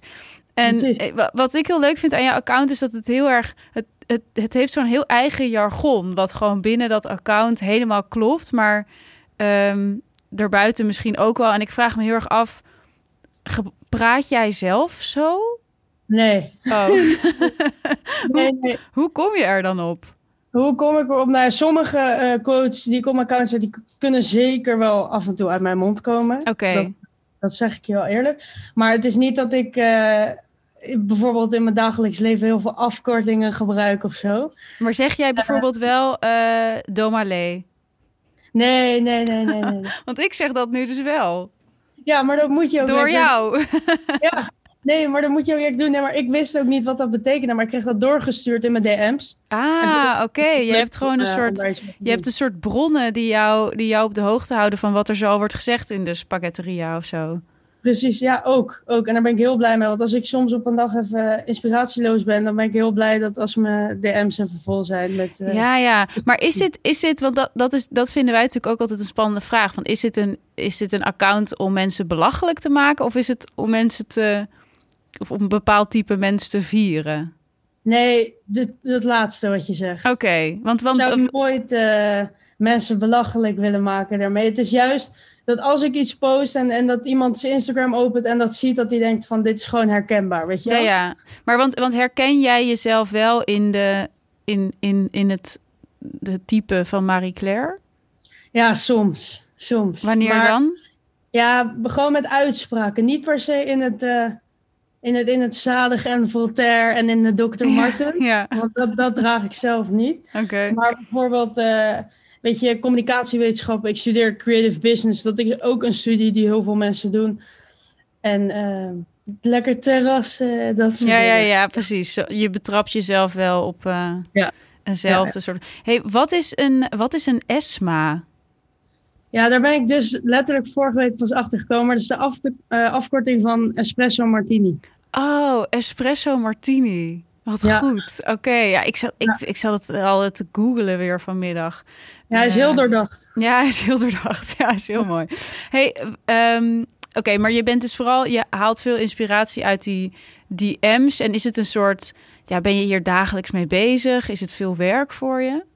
Ehm, ja, ik ben hier wel dagelijks mee bezig eigenlijk. Want ik, ik eh, probeer ook elke dag te posten. Mhm. Hetzelfde tijdstip. Oké, Voor de, voor de regelmaat. Ja, voor de gram. Dus dat, eh, precies, alles voor de gram. Maar dat, eh, dus ja, eigenlijk elke dag een beetje om een idee eh, te bedenken. Wat ga ik posten? Begin ik dan rond 12 uur ga ik een beetje nadenken en dan post ik iets. En zoals ik al zei, als ik niet weet wat ik moet posten, dan kijk ik in mijn DM's of er nog ideeën zijn. ja, ja. En is het, eh, Is dit voor jou, nou, want wat ik dus zo leuk vind, ik zie dit ook een beetje als een tegenhanger van de vercommercialisering en een soort van de eenheidsworst die die sociale media daardoor ook steeds meer worden. Maar Ja. is dit voor jou, zou jij ook een betaalde samenwerking doen of zoiets? nou, ik heb nu wel al wat samenwerkingen lopen. Oké. Maar dat- met dat- met eh, spaghetteria of zo. Nee, zeg maar dat soort grote bedrijven nog niet helaas. Maar ik hoop zeker wel dat ik in de toekomst eh, iets, iets kan doen. Inderdaad, met bedrijven die gewoon eh, populair zijn onder mijn doelgroep, zeg maar. Nou ja, want wat, wat is jouw doelgroep dan?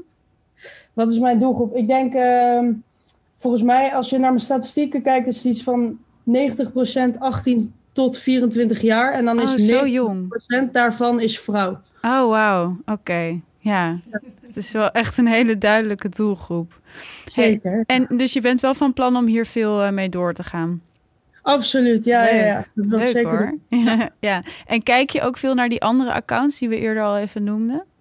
Eh, nou, eigenlijk eerlijk gezegd kijk ik alleen soms even naar de andere accounts om te kijken of zij niet al mijn idee hebben gepost. Oh, wat ja. ik dan die dag wil posten. Kennen jullie elkaar eigenlijk? Nee. Oké. Nee, Is dat Nee. een soort, een soort zwijgende... nee, ik, eh, nee, ik heb helemaal niks eh, tegen mijn... Ik zie ze ook niet als concurrent hoor. Nee, nee. Nee, Nee. precies. Hey, heel leuk, Lot. Nou, blijf lekker doorgaan met wat je doet. En eh, ja, wij blijven volgen. En ehm, eh, wa- wat, luister jij wel eens naar onze podcast? Ik heb het nog niet gecheckt. Oh ja. ik keek net wel even wat voor afleveringen jullie allemaal hadden. En ik ga het wel doen vanaf nu. Oké, ja, want wij hadden allebei wel eens het idee van oh, het lijkt wel alsof ze naar ons luisteren. want dit klinkt wel heel erg als ons. Maar dat is dus alleen maar een goed teken dat jij heel herkenbare eh, dingen schrijft. Ja. heel goed. Hey, dankjewel Lot. En eh, nou, we gaan weer heel veel naar je account kijken in het komende jaar. En ik ga naar jullie luisteren. Heel erg bedankt. Top, thanks. Tot later. Doei.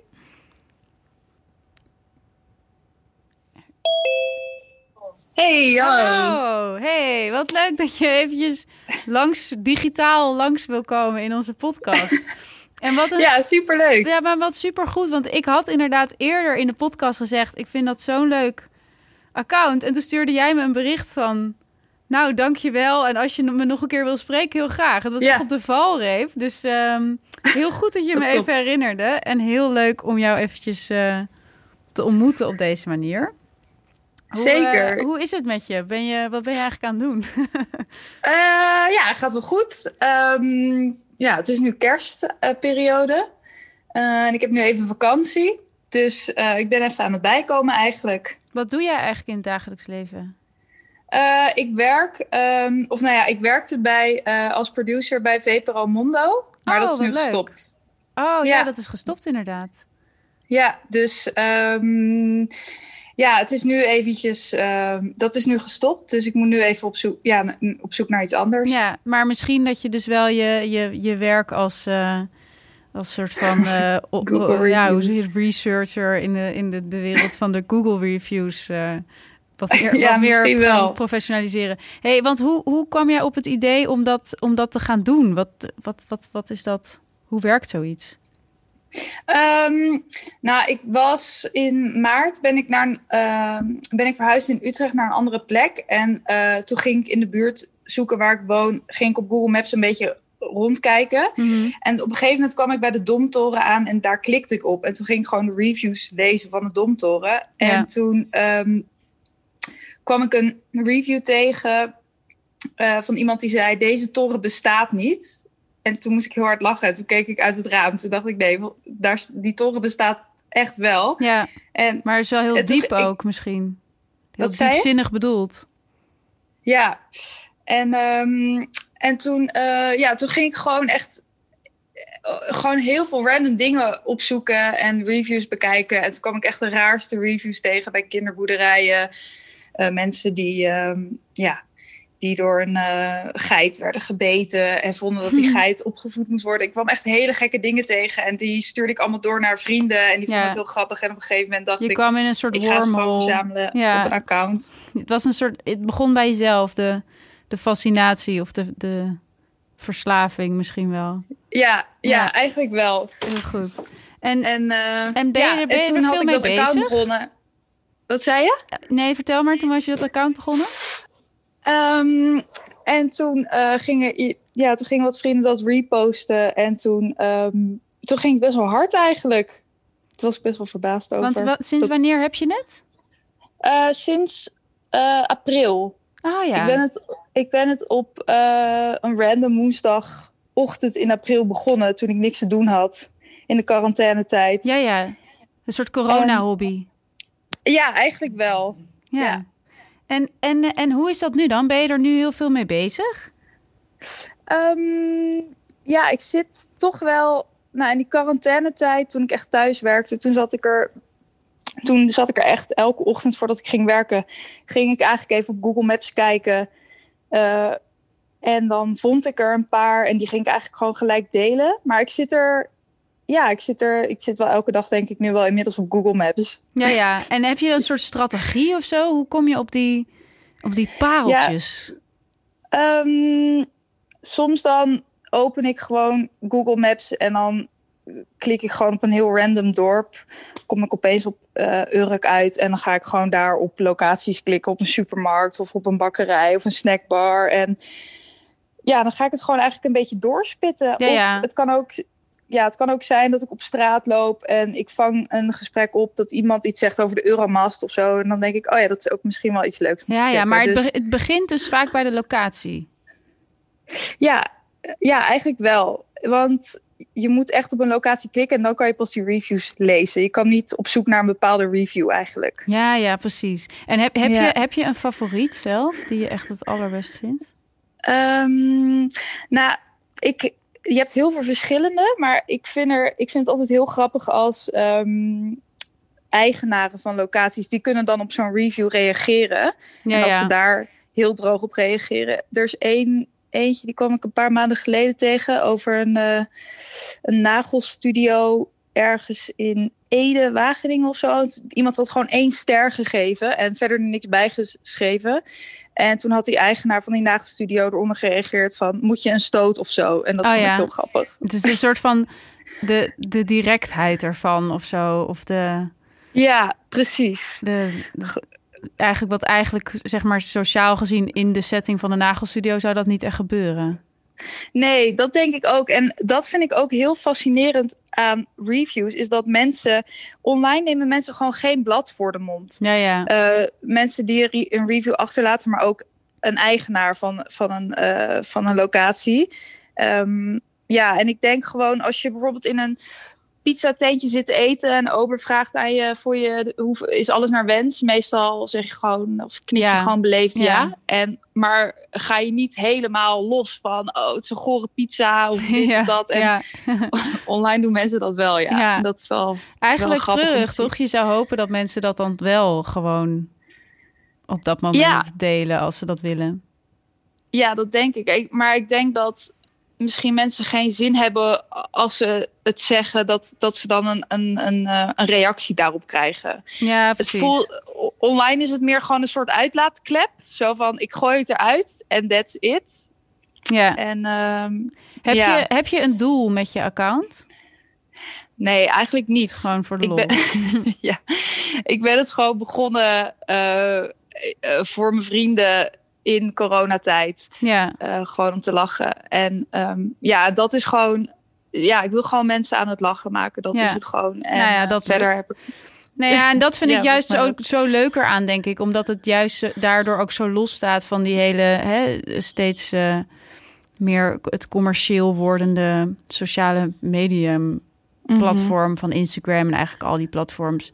Dat dit dan Ja. eigenlijk, je voelt dat dit gewoon op zichzelf staat en daardoor heel, heel leuk is. Maar natuurlijk ook nog een, een gewetensvraag. Zou je een gesponsorde post doen? Ehm, nee, ik denk het niet. Ik heb daar. ehm, eh, ja, mensen hebben het wel eens aan me gevraagd: van moet je niet inderdaad een, een, een commercieel bedrijf ehm, benaderen en dan vragen van. Ehm, ik, wil wel voor jullie, ik wil wel een betaalde review achterlaten, maar ik dacht ja, maar dat, dat kan ik wel doen, maar dan is de echtheid ervan af. Dan Ja. is het gewoon niet meer. eh, dan is het gewoon niet meer echt. En nee, nee dat, dat, dat wil ik eigenlijk niet doen. Want dat vind ik ook wel gewoon mensen voor de gek houden. Oké, nou daar, daar gaan we jou Dus, eh, aan houden dan. Ja, is Ik goed. ben benieuwd. Hey, super bedankt. Justine dat je even met ons wilde bellen. En ehm, nou, Ja. we kijken heel erg uit naar al je reviews ehm, de komende jaar. Thanks. Nee. Leuk dat ik eh, bij jullie even digitaal te gast mocht Ja, zijn. altijd welkom. Heel Dank je cool. wel. Thanks. Tot Oké. later. Doei. Doeg. Doei doei.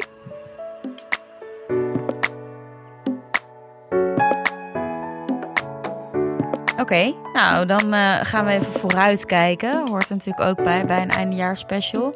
Want Marloes wil weten, wat gaan jullie volgend jaar helemaal anders doen en waarom en hoe? Nou, eh, aanhakend op wat ik hoorde, telefoongesprekken, zei, ja, ik, ik kan gewoon niks echt bedenken. Ik vind mijn leven gewoon best oké nu. Nou, heerlijk. Ja ik, ja, ik hoop natuurlijk gewoon dat ik meer... Ik wil heel graag weer ver op vakantie. Dat lijkt me heel lekker. Want Ja. ik merk wel dat... Ik heb dit jaar heel veel hele leuke tripjes gemaakt binnen Nederland. En ik ben één keer in Frankrijk geweest. Maar ik ontspan toch wel meer als ik echt helemaal weg ben. Mm, Want hier ben je toch altijd nog weer met je laptop... of ja, toch weer een mailtje aan het doen. Dus dat, eh, dat, ja, dat wil ik graag. Maar dat is meer een wens. Ik heb niet iets dat ik eh, denk... geen goede voornemens. Nee, jij? Nee, ik ook niet. Volgens mij als je iets aan jezelf wil veranderen, kan je nu beginnen. Ja, toch? normaal had ik dan altijd nog wel nu echt stoppen met roken. Maar ja, ik rook nu zo incidenteel dat ik denk, Ja, het enige wat hou ik het wel- vast. Het is ook leuk voor je imago. Nee, Ehm, grapje, grapje. Nee, jij, bij mij is wel terugkerend. dat Ik denk, ja, ik wil wel een beetje zicht krijgen op mijn financiën. Oh ja, ja, dat wil ik ook, zicht op mijn Ja, financiën. ik had dan wel, voordat ik dat huis kocht, had ik wel echt een huishoudboekje. En dat ik alles bijhield in Excel wat ik uitgaf. Echt waar? heel erg spaarde. En Wow. nu is het echt... Het gat in mijn hand is zo groot. Het kan echt niet. Nou ja, ik denk alleen maar, ik heb zo weinig, zoveel bespaard dit jaar. Oh ja, ik niet. Ik heb echt heel veel geld uit. Ja, maar je hebt natuurlijk een huis gekocht, dat is heel duur. Ja, klopt. en ook gewoon heel veel spullen daarvoor gekocht. Dus, eh, maar ja, misschien moeten we die jong beleggen guy maar een keer uitnodigen in de podcast. Die heeft een podcast Ja. over beleggen. En dan die heeft zich al hij- gemeld bij ons, Die hè? heeft zich al gemeld. Dan kunnen we met hem praten over... Die weet wel wat de vrouwen willen. Wat we Beleggingstips. Ja, beleggingstips. Ja, we moeten volgens, eh, volgens mij... in- Spreiden. Spreiden, ja? zeg maar. Oké, nou goed, we kom- we komen op terug later. En ehm, nou, dan wil Cultuursnuiver, interessante Oh, mooi, nou. Instagram naam, die wil weten ehm, hoe zijn die weer uit je break-up hersenen gekomen? Dus even terugkomend op onze break-up podcast Oh, leuke begin vraag. dit jaar. En ehm, wat zijn jullie vooruitblik aan dromen in 2021? God, wat wil iedereen een soort filosofische duiding van die jaren? Nou, hoe zou dat nou komen? Ja, dat is waar. Nou, het is een compliment. nee, ik vind het een leuke vraag over die break-up eh, hersenen. Want ja, kijk, voor mij is dat natuurlijk alweer best wel lang geleden. Maar in het kader van dingen delen over jezelf. Mm. ehm, ik zit nu weer in een hele leuke relatie. Ja. Sinds, nou ja, best een tijd al eigenlijk. Maar ik zit ook in relatietherapie. Eh, Mm. In mijn eentje. Al, nou, ook al voordat ik weer verkering had. En dat heeft mij wel echt heel erg geholpen. Want dat was, dat was voor mij ook wel echt een inzicht dat ik dacht... Ik ben, ik ben echt wel prima met mezelf en ik kan echt mijn eigen, mijn eigen leven heel goed leiden. Maar verbinden met anderen vind ik echt niet altijd even makkelijk. En ik denk ook dat niet iedereen het makkelijk vindt om te verbinden met mij. Eh, omdat, ja, ook en misschien zelfs juist als je goed met jezelf bent, dan kan je soms ook een beetje ongenaakbaar zijn of niet heel, ja, niet heel makkelijk. Dus eh, ik zit eh, nu al, eh, nou, dit hele jaar al, in mijn eentje bij de relatietherapeut. Wat echt heel grappig is, want dan hoor je zo de stellen weggaan en je hoort boven je een stel binnenkomen en dan ben jij gewoon Alleen. solo meid. Maar dat werkt voor mij echt heel goed. Ehm, cool. ja, het, is, het, is, het heeft mij zoveel geleerd over ehm, hoeveel relaties ook betekenen voor je identiteit. En hoe het allemaal met elkaar samenhangt. En hoe de relatie met je moeder weer lijkt op de relatie met je vrienden. En hoe de relatie met je vrienden weer lijkt op de relatie met je partner. En hoe dat allemaal een soort van één is. En dat heeft mij, nou, hoop ik, en denk ik ook wel, echt wel een betere mm, ja, vriend, vriendin, whatever gemaakt. Dus, dus, dus zo. Ja, dus cultuursnuiver, als je nog met een gebroken hart zit, dan is dat misschien een tip. Ja. Relatietherapie. Ehm, Nou ja, het is niet zo. Kijk, het is niet iets waarmee je gebroken hart eh, heelt. Dat is het niet.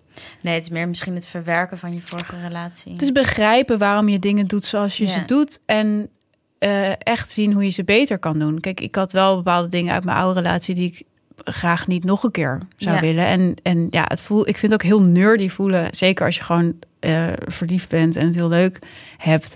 Om dan zo bij zo'n relatietherapeut te zitten. Maar het voelt ook als echt een investering in mezelf. Ja. En in de dingen die ik met anderen aanga. Dus ehm, ja, aanrader. ja. En jij? Ehm, Hoe ben jij uit je nou. break-up hersenen gekropen? ja, het ging gewoon vanzelf voorbij. Ja, ook een mooie, hè? En dat zeiden mensen ook tegen mij aan het begin. Ja, zo dus kreeg is ik dat ook dan. DM's van ja, het wordt gewoon minder, het slijt. En tuurlijk met kerst, dat ik zo classic, dan komt het weer even terug. Maar het wordt steeds minder Ja. fel. Hadden we ineens echt omgekeerde wereld. Zat ik in een soort schoonfamilie marathon. En Ja, en dat had ik een gewoon beetje eh, lekker vrij. Maar ehm, ja, ik heb er ook wel een soort goede relatie mee gekregen met het liefdesverdriet of zo. Ik bedoel, het is toch ook, als je de negatieve emoties kan ervaren, is ook de andere kant van de medaille van echt de positieve emoties kunnen ervaren. Ja, Dus wat ik wel geleerd heb is, je hoeft het niet weg te stoppen, je moet het gewoon omarmen. Uiteindelijk gaat het om dingen voelen, denk ik. zeker. En dan maak je ook mooiere momenten met andere mensen mee. Heeft ook weer alles te maken met verbinding. We zouden een soort verbindingspodcast kunnen beginnen. Nou, we wilden toch nog een special doen over vriendschap. ja, zeker. Dat moeten we echt doen. Want ik Ja. heb heel vaak dat ik denk, oh, dat wil ik vertellen. Dan denk ik, nee, Ja. dat bewaar ik voor de, de Vriendschap- vriendschapsspecial. Ja, hij staat op ons schema. Dus, Dus als jullie nog vragen hebben over vriendschap, ja, dan komen we bij jullie terug. En dan, nou, nog, een, nog een vraag. ja, die is heel kort. Onze plannen voor Plannen voor 2021. 2021. Nou, Ik wil eh, 29 worden. Ja, ik Gaat ook. gebeuren. Ja, ik wil eigenlijk 30 worden. Kan Ja. dat ook? Ik ben echt Fast forward. zo fucking klaar met 20 zijn. Ik wil echt heel graag 30 worden. Ik zou heel graag nu 30 willen worden en dan een extra jaar krijgen dat ik dan later weer kan inzetten Ja, als ik. wat een goeie. Werkte Ja. het maar zo. Oh, kan ik dat niet gewoon doen? ja. En ja, een nieuw boek maken. ja, heerlijk. Ja. Ja. en ik hoop dat de wereld weer open gaat, want dan wordt het denk ik wel echt een soort roaring twenties. Heerlijk. Ja, daar heb ik ook zin Maar ik denk dat dat nog wel een jaar gaat duren. Ja. Baseer ik nergens op hoor. Het is gewoon een gevoel. ja, denk je dat? Wil je erover vertellen Nee. bij een vandaag? ik zal me even aanmelden. Ja, meld je maar even aan. Ehm, en dan tot slot heel veel gevraagd wat wij luisteren, lezen dit jaar en waar jij misschien naar kan luisteren of lezen om deze lockdown te overleven. Iemand vroeg als eerste, wat is jullie mediadieet? En dat is dus echt zo'n vraag waar ik heel lekker op ga. Ja, jij hebt het ook echt een heel lang heerlijk. antwoord. Ik heb echt niks. Nou, dan mag jij beginnen. Nou, ik heb. ehm, ik lees eigenlijk de hele week niks. Qua kranten en zo. Heel erg. Ja, ik, ik, ik ga wel elke dag even door de Volkskrant heen. Maar ik ga er gewoon vaak niet echt voor zitten. En dan in het weekend. ehm, de, de man in mijn leven heeft een abonnement op. eh, zowel NRC als Volkskrant. En al die weekendkranten komen nog binnen.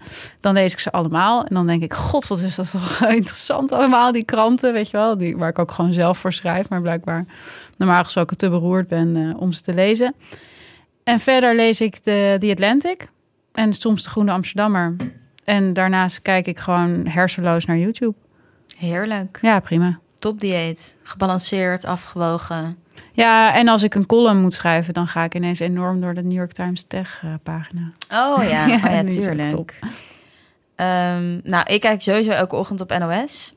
Dat is wel echt een soort. Dat is ook wel een corona-dingetje. Ja? Ja, Ik had wel tijdens het begin gewoon dat ik heel het acht uur journaal ging kijken. Maar dat heb ik nou niet Oh, meer. Ja, dat heb ik nooit gedaan. En verder. Sliep jij al? Jezus. Sorry. Could be true.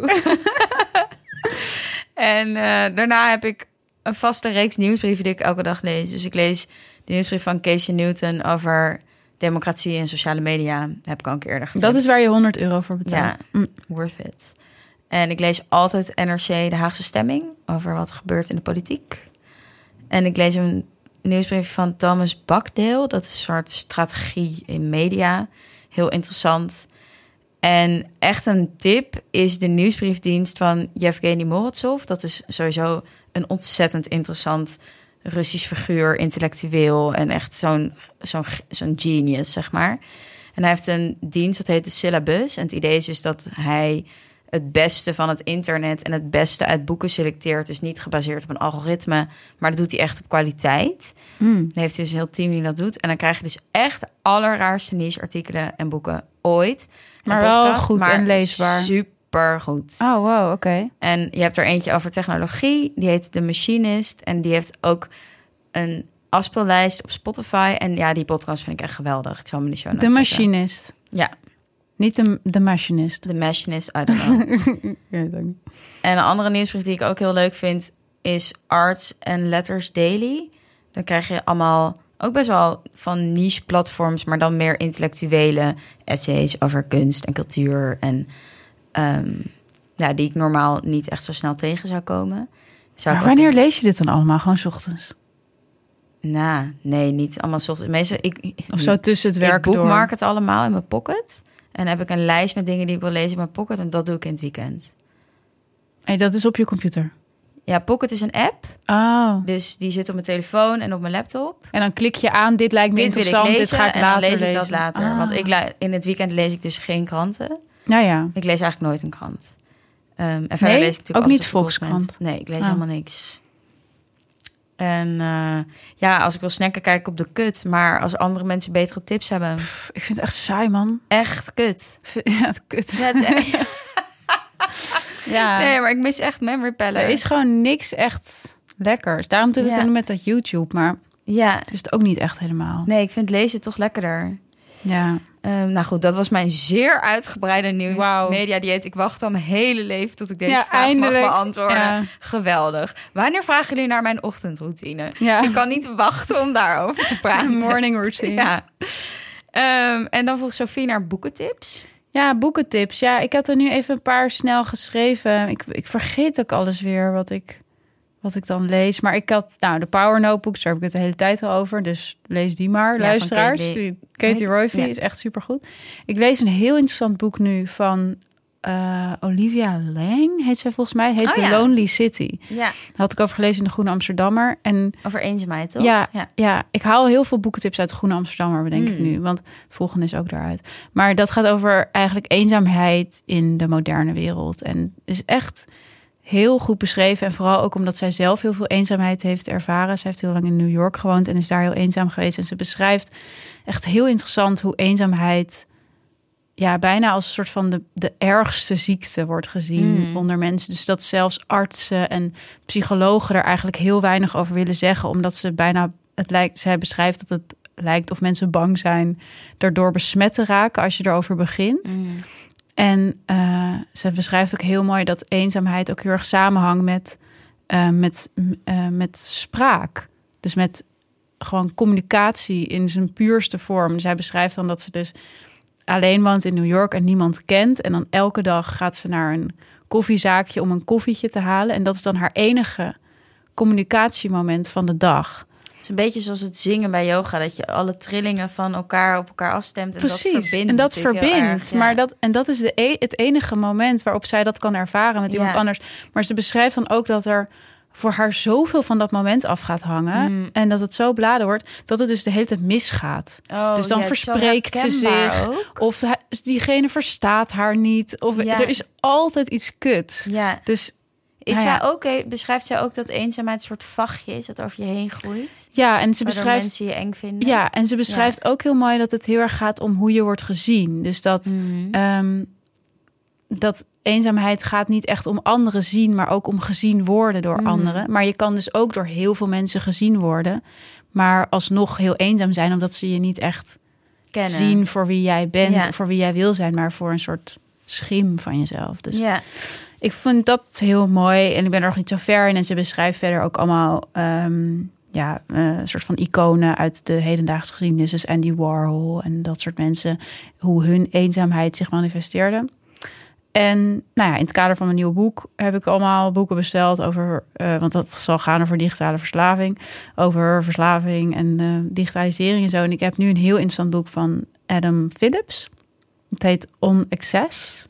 En dat gaat dus over eh, ja, waar verslaving eigenlijk vandaan komt en ook waar onze afkeer van verslaving vandaan komt. En hij beschrijft het heel interessant, maar goed, ik ben er nog niet zo ver in dat ook ons, hij zegt waar we, waar we vooral ehm, heel verslaafd aan zijn, is versla- over verslavingen praten en verslavingen duiden en zo. En dat, dat is eigenlijk onze, onze grote verslaving als menssoort, zeg maar, is om over anderen te zeggen, ja, die is verslaafd. En wat hij zegt is dat we daarmee eigenlijk onze ogen sluiten voor het dieper liggende probleem dat heel vaak aan verslavingen ten grondslag ligt. Dus Eenzaamheid. ja, echt eenzaamheid, niet verbinden met elkaar, eh, een gebrek aan intimiteit. Ja. Ehm, dus ja, dat is heel veelbelovend, maar ik, weet er verder nog niet zoveel van. Ik heb heel ander soort boeken om te tippen. Nou, heel goed. Als je op zoek bent naar gewoon zo'n heerlijke roman die je zeg maar à la Bridget Jones van kaft tot kaft in een avond uitleest, raad ik heel erg Ghost van Dolly Alderton aan. Ja, leuk. Het is echt, ja, het is heerlijk. Het is gewoon een beetje chicklit tienerboek. Love it. Leuk. En een beetje in diezelfde categorie van lekker doorlezen heb ik in iets van vier dagen het enorme boek van Lise Spit. Ik ben er Echt waar? gelezen. Wow. Ja. En dat is gewoon, ja, het is heerlijk. Het gaat over relaties, het gaat over mentale problemen. Het leest, it. goed opgebouwd. ja, dat, dat, ik weet niet, gewoon emotionele dingen lees je toch altijd makkelijk. Je Ja, kan true. makkelijk identificeren. Ehm, dus die kan ik aanraden. En wat ik een heel interessant boek vond om te lezen, specifiek tijdens corona, was Antifragiel van Nassim Nicolas Oh Taleb. ja, daar heb je het wel vaker over Daar gehad. heb ik het al eerder over gehad. Ik weet niet of het in de podcast was. Maar dat gaat over... Je hebt eh, fragiel. Dus dat zijn dingen die eh, kapot gaan... omdat ze ehm, schade berokkend worden. Dus als je bijvoorbeeld iets kapot... ja, iets schudt, gaat het kapot. En het tegenovergestelde daarvan vinden we altijd robuust. Dus dat is iets dat als het schokt... dat niet kapot gaat. En eigenlijk... Wat die Taleb doet, is het hele boek houdt hij een pleidooi voor antifragiel. Dus dat is dat dingen juist sterker worden van schokken. Dus bijvoorbeeld, wat natuurlijk blootgelegd werd tijdens corona, was dat we alles zo optimaliseren. Ehm, dat denken wij dat dat dan robuust is. Maar als het één schok heeft, dan ligt het ook meteen helemaal op zijn gat. En het idee van antifragiel is dus dat dingen groeien door het kleine schokjes toe te dienen. Bijvoorbeeld je spieren worden sterker van als ze een beetje scheuren omdat je traint. En dan kunnen ze daarna groeien. En eh, dat is een levensopvatting die die nou in echt letterlijk elk domein toepast. En het is echt zo'n bron van anekdotes en ook ehm, ja, je kent heeft zoveel literatuur en filosofie en wetenschap wordt allemaal aan elkaar verbonden. Eh, dus dat kan ik heel erg aanraden. Oké, goeie. En dan hebben we nog podcast. Ja, podcast. Vroeg Carolien. En ja, dit was natuurlijk ook een beetje het jaar dat dingen stopten. Waaronder Man Repeller, Hilo. Maar mijn favoriete podcast stopt ook, namelijk de Ezra Klein Show. Echt waar? Ik vind dat echt heel... Ja, het is Die heel, is super succesvol. ja, en hij is dus de oprichter van Vox. Maar hij gaat dus nu naar de New York Times. Oh, interessant. Heel Die boeiend. zijn echt een podcast, want die hebben ook This American Live gekocht, hè? Ja, maar hij wordt ook columnist van de New York Times. Dus hij verlaat zijn eigen mediabedrijf om te werken voor de New York Oh, Times. Maar gaat hij daar geen podcast maken? Ja, ook een Oh, interviewpodcast. wauw. Maar dat is toch interessant dat dat allemaal nu naar de New York Times gaat? Ja, de New York Times wordt natuurlijk gewoon een soort Netflix. Die hebben gewoon Ja. super veel geld. Die hebben ook zoveel Europese abonnees nu. Echt niet normaal. Ik wacht ook tot daar gewoon story formats komen en veel meer video. Want ze hebben gewoon zoveel budget. Echt niet Ja. normaal. En, ehm, maar goed, die stopt er dus mee. Maar ik kan ze allemaal aanraden. Ik zou ze echt allemaal gaan luisteren. Ze zijn echt tijdloos. En wat Ezra Klein gewoon heel goed kan, is... Hij is namelijk altijd inhoudelijk heel goed voorbereid. Ja, En hij kan goed luisteren. ja. En hij is bereid om van mening te veranderen. En dat maakt dat er altijd iets op het spel staat in die podcast. En ja, het, ik vind het ontzettend inspirerend. En ik hoop dat hij voor de New York Times iets gaat doen wat in de buurt komt van Ongetwijfeld wel. deze show. Want ik vond dat gewoon echt heel goed. Ehm, en als je heel nerdy bent, dan kan ik echt aanraden om naar In Our Time van de BBC te luisteren. Dat is een podcast met drie hoogleraren die dan over een filosoof praten. En dat is echt genieten. Leuk. Heb jij nog tips? Ehm zelfs podcast. nee, ik ben, een beetje, ik ben een beetje op. ik weet het niet. Oké, dan gaan we afronden, jongens. Ja. Ehm, jullie vroegen ook nog naar onze favoriete series. Nou, die kunnen we gewoon even snel tippen. Eh, ik kijk nu Euphoria. Ja, wil ik ook Oh, echt een knaller. zien. Ja, Heerlijk. Het gaat over drank, drugs, seks. ja, Allemaal tieners. Het is allemaal super onverantwoord. Dick pics. heerlijk. I love it. En verder, ik vond I May Destroy You heel vet. Ook echt, die vond ik echt heel erg goed. En ik kijk ook Succession. Die vind ik ook heel lekker. Ik zou zeggen, als jullie Queen's Gambit nog niet gekeken hebt, ga dat doen. Want Heb het is echt geweldig. En verder vond ik Years and Years, staat op Vond NPO Start. zo vond ik mooi. heel goed. Ja, ja. Als je nu door Nederland rijdt, dan staat er overal Be Prepared, Brexit.eu. En dat voelt echt alsof je naar Years Ja. and Years kijkt. Maar sowieso voelde dit jaar gewoon een beetje als eerst. Dat is waar. En ik heb nu Normal People net helemaal gekeken. En dat Mooi, vond ik toch? echt geweldig. Echt. Maar, maar niet minder goed dan het boek, toch? Nee, zeker niet. Wel nee. anders, maar ja. Misschien nog wel indringender.